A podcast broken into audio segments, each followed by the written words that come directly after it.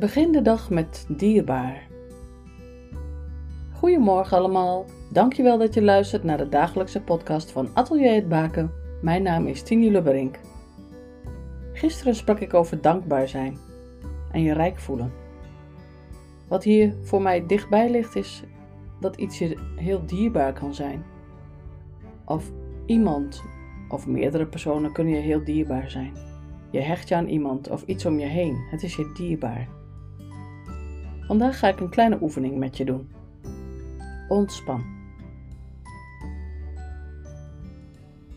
Ga rustig zitten. Mooi rechtop.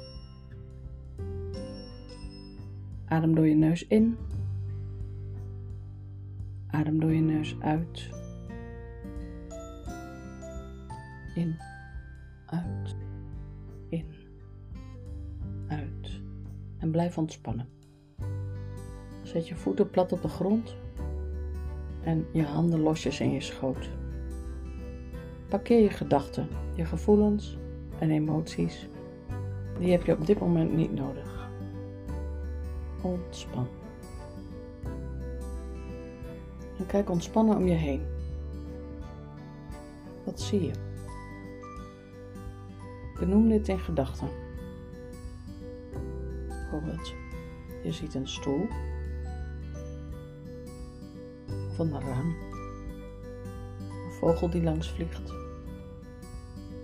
Houd de focus en de concentratie op wat je ziet. En neem zo heel even tijd voor jezelf. Het is je dierbaar. De tijd die je nu neemt voor jezelf, is dat je dierbaar? Moet dat groeien? Of is het een klok?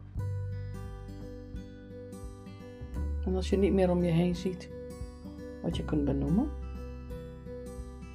benoem dan een persoon of meerdere personen in gedachten. Wat maakt dat deze personen je zo dierbaar zijn?